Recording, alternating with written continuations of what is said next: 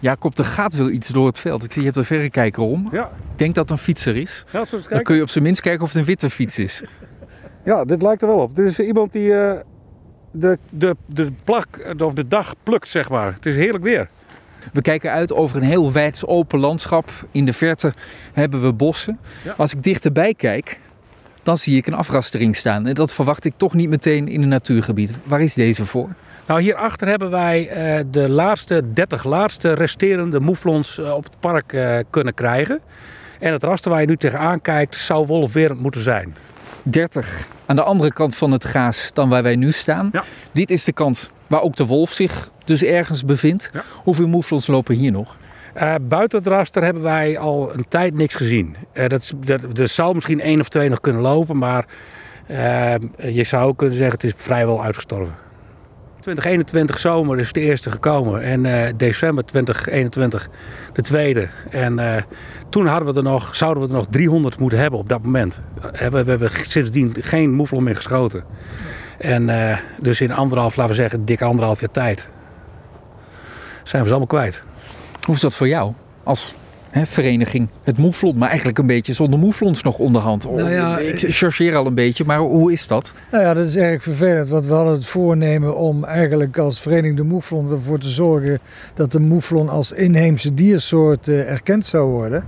Maar nu eh, is dat belang eigenlijk naar de achtergrond, want eh, we moeten nu zorgen dat we de moeflons behouden die we nog hebben. Want anders hoeven we ook niet voor een inheemse status te gaan voor een diersoort die we niet meer hebben.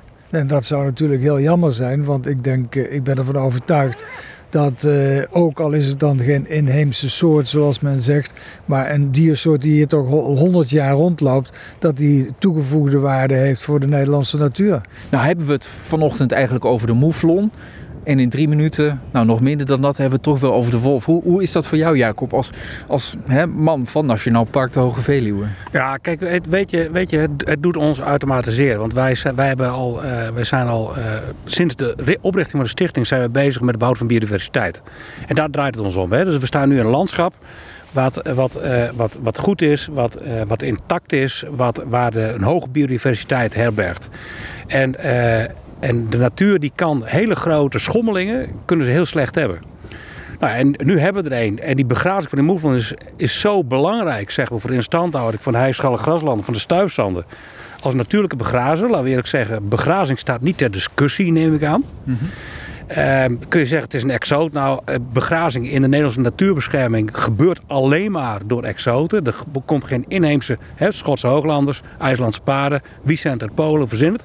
Hooguit het Veluwse heideschaap. Maar goed, dat is een Ah. boerderijgehouden-achtige soort, zeg maar, van de schaapskudde met een herder. Zeker, maar de vraag is of die, dat Veluwse heidenschaap en al die andere soorten die ik net- genoemd heeft, het effect heeft van de, wat de moeflon heeft op het landschap. Geen enkele soort, ook het Veluwse heidenschaap niet, gehouden, gescheperd, eh, eet, eet grove den in belangrijke mate. Ja. En dat doen de moeflons wel en op een natuurlijke wijze. En je hebt me niet voor niks naar deze plek meegenomen. Hè? En je zei me, beschrijf vooral zelf wat je ziet, want Ja. ik wil het niet doen. Hoe, waarom?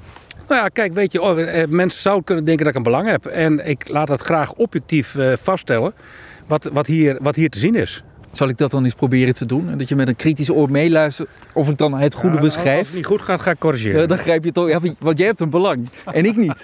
Laat dat duidelijk zijn. Ik ben volkomen onafhankelijk. Maar het zegt wel wat over hoe gevoelig de hele materie ligt inmiddels, toch? Ja, zeker. Ja, en overigens, eh, kijk uit bij het raster. Hè, want er staat eh, tussen de 6 en de 7 ki- eh, kilovolt op. Dus eh, Oh. je staat behoorlijk in de prik dan. Wil je niet tegenaan plassen. Nee, niet, dat, ik zou het niet proberen. Oké, doe ik dat zeker niet. Dan kijk ik dus in het gebied van de moeflon. En een van de dingen waar ik dan op wil letten is, zie ik kleine dennetjes. Want ja, die eten ze op, hè? Ja, die eten ze op. En, en, en daar gaat het uiteindelijk om. Want als je niks doet aan het systeem, dan is het binnen 10 jaar is bos. En dan ben je de hei kwijt. Hier binnen het stuk van de moeflons waar ik nu kan kijken, zie ik daadwerkelijk nul dennetjes. Je hebt ze er niet stiekem uitgetrokken, hè, voor mij. Nee, nee, nee. nee. Want aan de andere kant, hier waar we, waar we nu staan, dus in het wolvengebied, maar moeflonvrij inmiddels, zo goed als, misschien één of twee zwervende, daar zien we wel die heideboompjes, of de, sorry, die dennenboompjes. Ja, en, en dit, is, dit is het proces waar het, waar het nu om draait. Hè? Dus je ziet het effect van begrazing.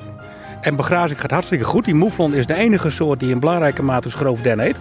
Nou, en eh, ze zijn hier weg. En je ziet wat er gebeurt.